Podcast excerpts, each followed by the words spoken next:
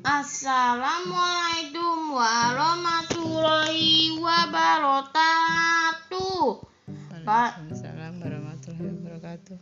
Pada hari ini atau teman menceritakan kisah Nabi yang berbeda Abu Bata As-Siddiq memalangi nabi-nabi palsu. Pada masa telah Khalifaan Abu Bata As-Siddiq nabi-nabi palsu bermunculan. Salah satunya Tulaiha Al-Sadi yang telah membentuk pasukan dari berbagai dorongan di antara Bani Asa, Bani Drahavan, Bani Asbah, dan Bani Yusjunya. Abu Batam memerintahkan Trali bin Wali untuk menumpas Telulaiha dan pasukannya. Peperangan terjadi di dataran Gazaha Tulaiha berhasil menyelamatkan diri namun ia akhirnya menyadari kesalahannya dan kembali memeluk Islam. Tulaiha bahkan dan kemudian itu berperang bersama Talai bin Al Wali yang diminta Abu Bakar untuk menyertakan Tulaya dan diskusi strategi perang.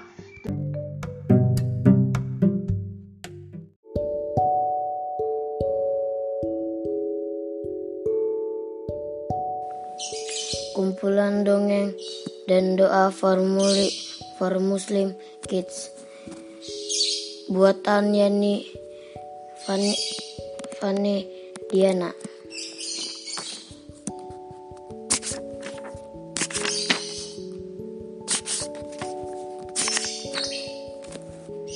Ketika bermain di hutan, hidup Kudanil menemukan sebutir melon.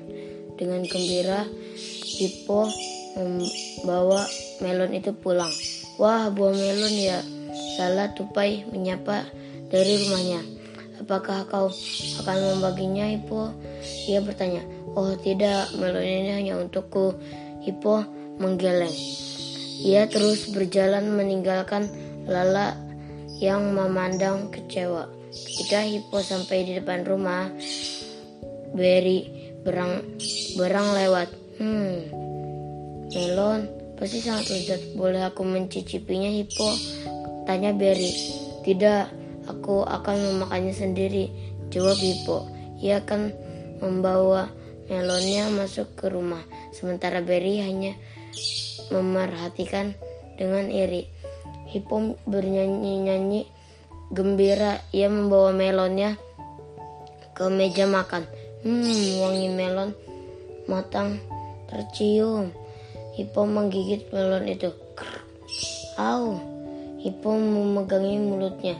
Giginya terasa ngilu. Tidak disangka ternyata kulit melon lihat lihat dan keras. Hippo mencoba menggigit buah melon itu lagi. Au, au, seru Hippo. Lagi. Giginya semakin ngilu. Ia tidak bisa menggigit buah melon itu sedikit pun. Karena kesal, Hippo mencoba membuka buah tersebut. Keringat menetes di dahi Hippo. Buah melon itu sangat keras. Hippo tidak bisa membukanya walaupun walaupun sudah mencoba sekuat tenaga. Hippo terduduk lemas. Ia teringat dengan Lala dan Berry.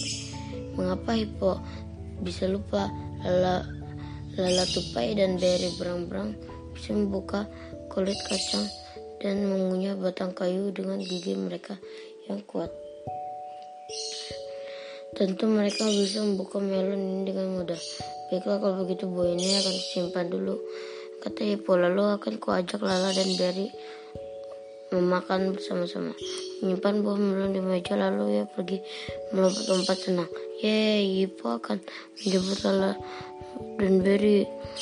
Lalu mereka menikmati buah melon manis yang manis bersama-sama.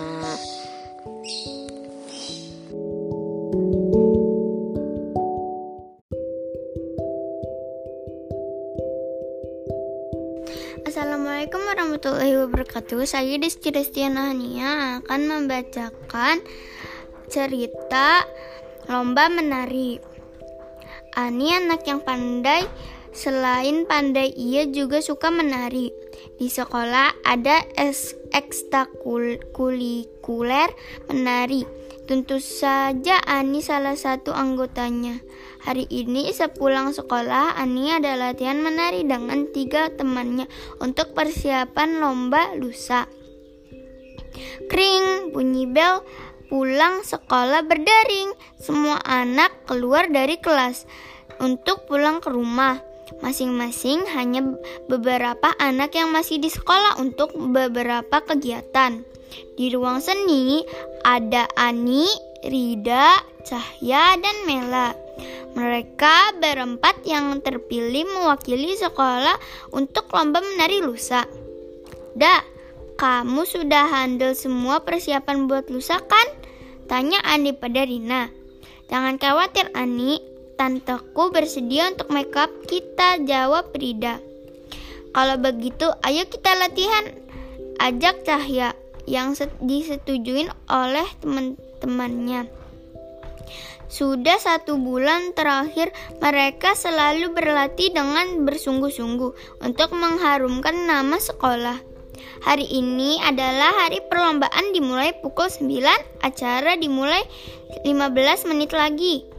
Acara dimulai mereka masih di jalan karena terjebak macet. Benar, ini membuat mereka semua khawatir. Mereka akan telat, namun mereka tidak ingin di DO. Jika mereka di DO, berarti sia-sia persiapan mereka selama ini. Setelah bergelut dengan kemacetan, akhirnya mereka sampai pada tujuan. Mereka telat 30 menit dan ini membuat mereka semua was-was.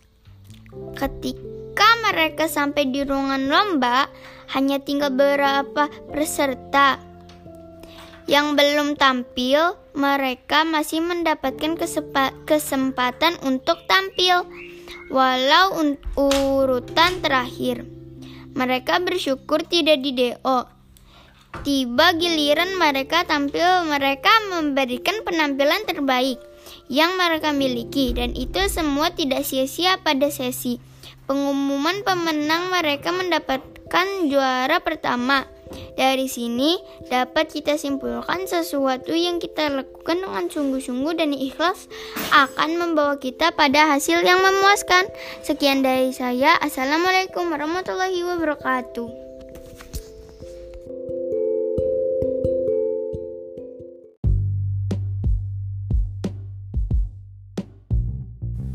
Assalamualaikum warahmatullahi wabarakatuh. Nama saya Adwa Elfariza Saya akan membacakan buku cerita yang tentang lima kawan yang berjudul Patung Dewa Aneh. Bukan main waktu rasanya seperti terbang, terbang saja. Ya kan tim? George yang langsing dan lincah menatap anjingnya dengan sikap bertanya. Guk! Timmy menggonggong singkat seperti mengiyakan. Anjing itu memang selalu sependapat dengan tuannya. Timmy mengibas-ngibaskan ekor. Ia ingin menyatakan kegembiraannya bisa kembali menemani George saat liburan besar sudah tiba lagi. Baru saja satu hari sebelumnya George pulang dari internet yaitu sekolah yang sekaligus juga merupakan asrama. Ia sel ia selalu senang apabila kembali ke rumah yang terletak di atas tebing batu di pinggir laut itu. Rumah dekat desa Kirin itu tempat tinggal ayah dan ibu George. Ia anak tunggal, sedang Timmy sudah jelas teman terbaiknya yang paling setia ke mana pun anak itu pergi bermain-main. Timmy selalu ikut. Timmy sering diajak George berbicara apabila ia sedang senang dan juga apabila sedang merasa sedih atau kesal. Anjing yang cerdik itu kelihatannya selalu tahu apa yang dipikirkan oleh George. Ia sang ia sayang sekali pada tuannya. Tuannya itu. Ia selalu begitu sering terlihat berjalan seiring. Dengan anak perempuan itu, sehingga mereka berdua kerap dijuli, dijuluki kembar berlainan jenis.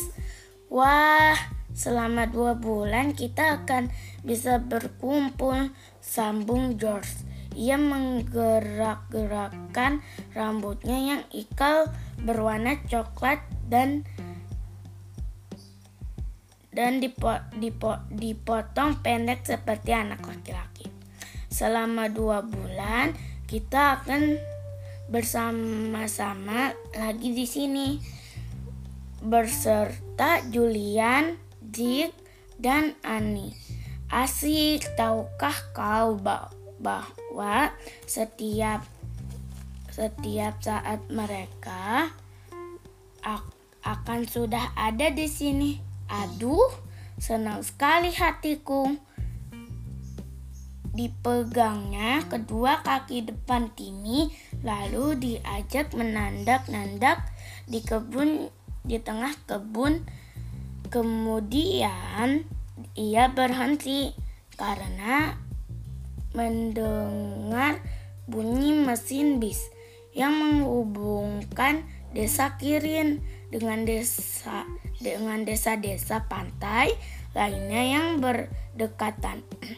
George sudah hafal sekali bunyi kendaraan itu yang menderum menderum-derum menyuruh menyurus tebing.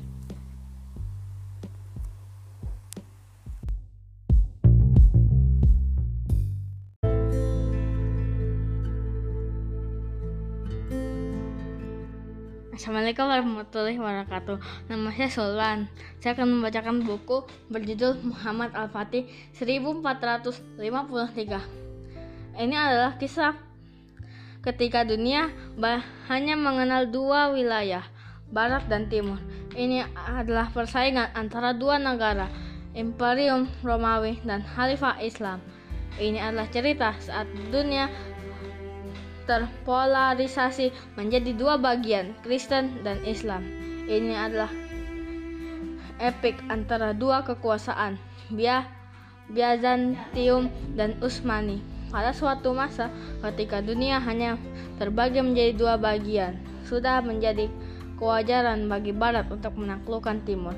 Namun ada seorang pemuda yang membalik semuanya dan menaklukkan sebagian besar Barat. Pemuda yang meng yang mengukir namanya dalam sejarah emas dunia dengan prestasi dan pencapaian yang tidak pernah ada pada masanya ataupun sebelumnya. Prestasi yang jauh melebihi masanya. Ini adalah salah satu pertempuran paling penting dalam sejarah Islam dan sejarah dunia. Pertempuran yang sangat berpengaruh pada relasi Kristen dan Islam serta panglima terbaik yang telah diramalkan oleh Rasulullah Shallallahu Alaihi Wasallam.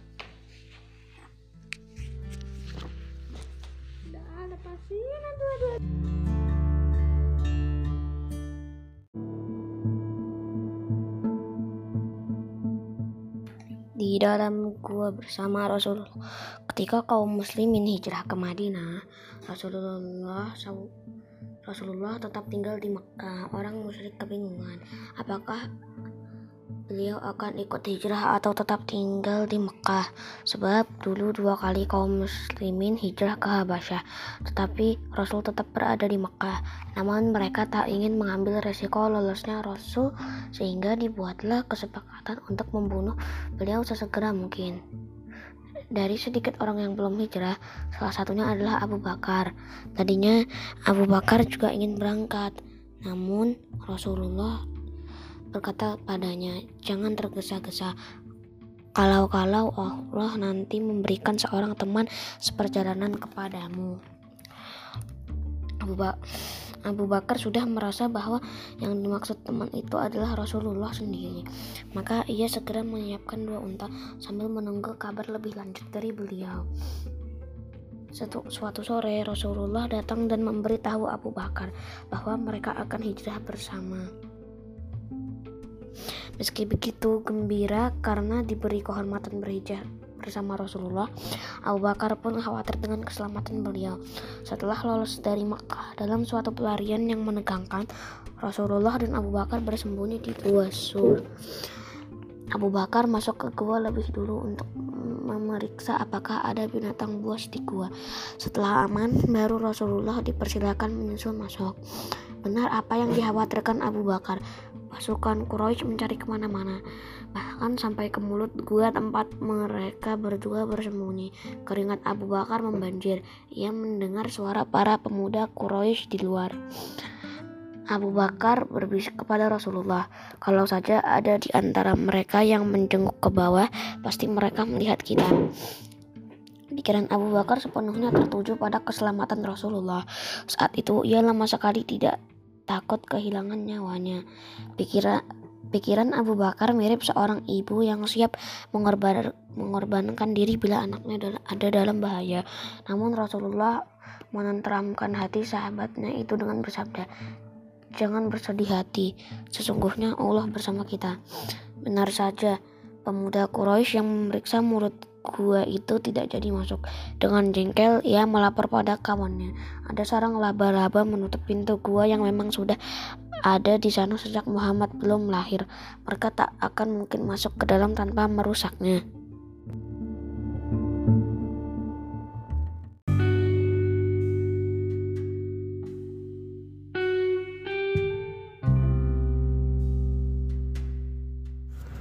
Assalamualaikum warahmatullahi wabarakatuh. Nama saya Muhammad bin Abdullah. Saya akan menceritakan buah rambutan sumber gizi.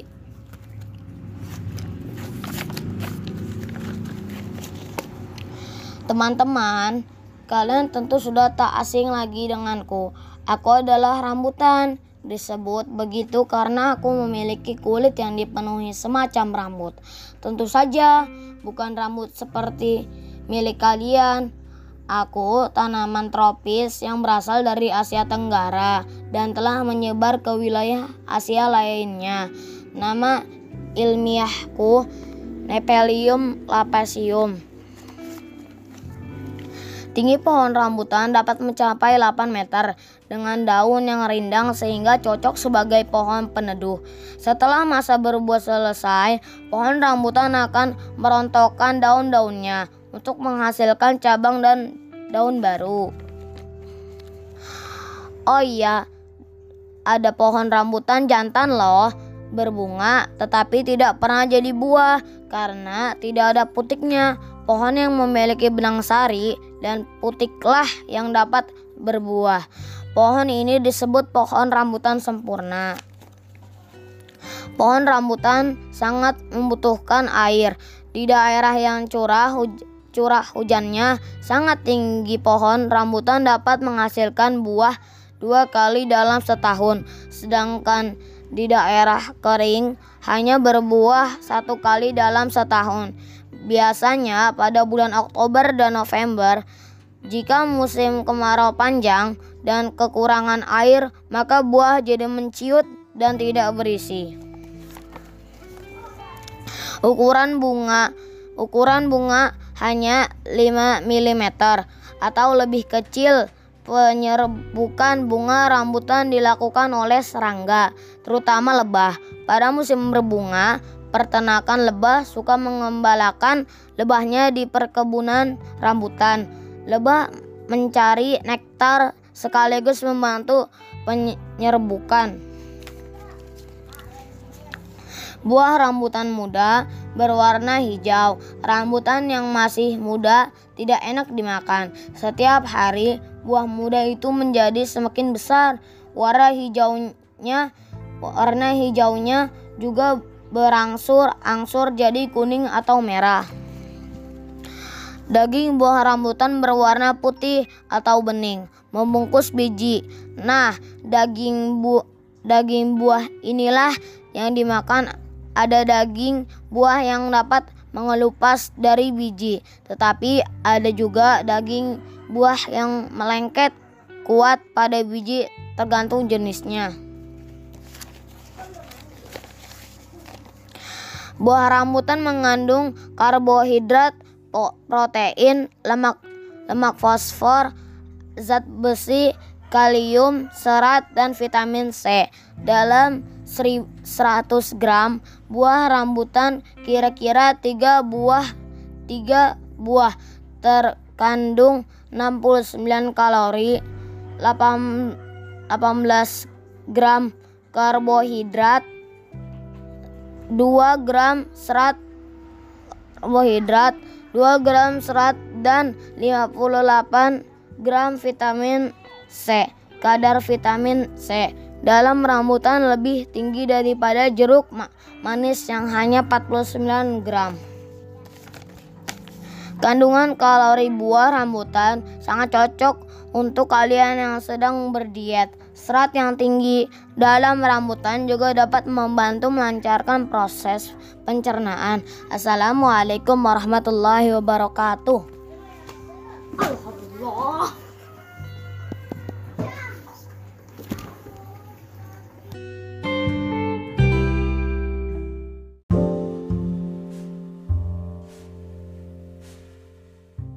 Assalamualaikum. Nama saya Miftah.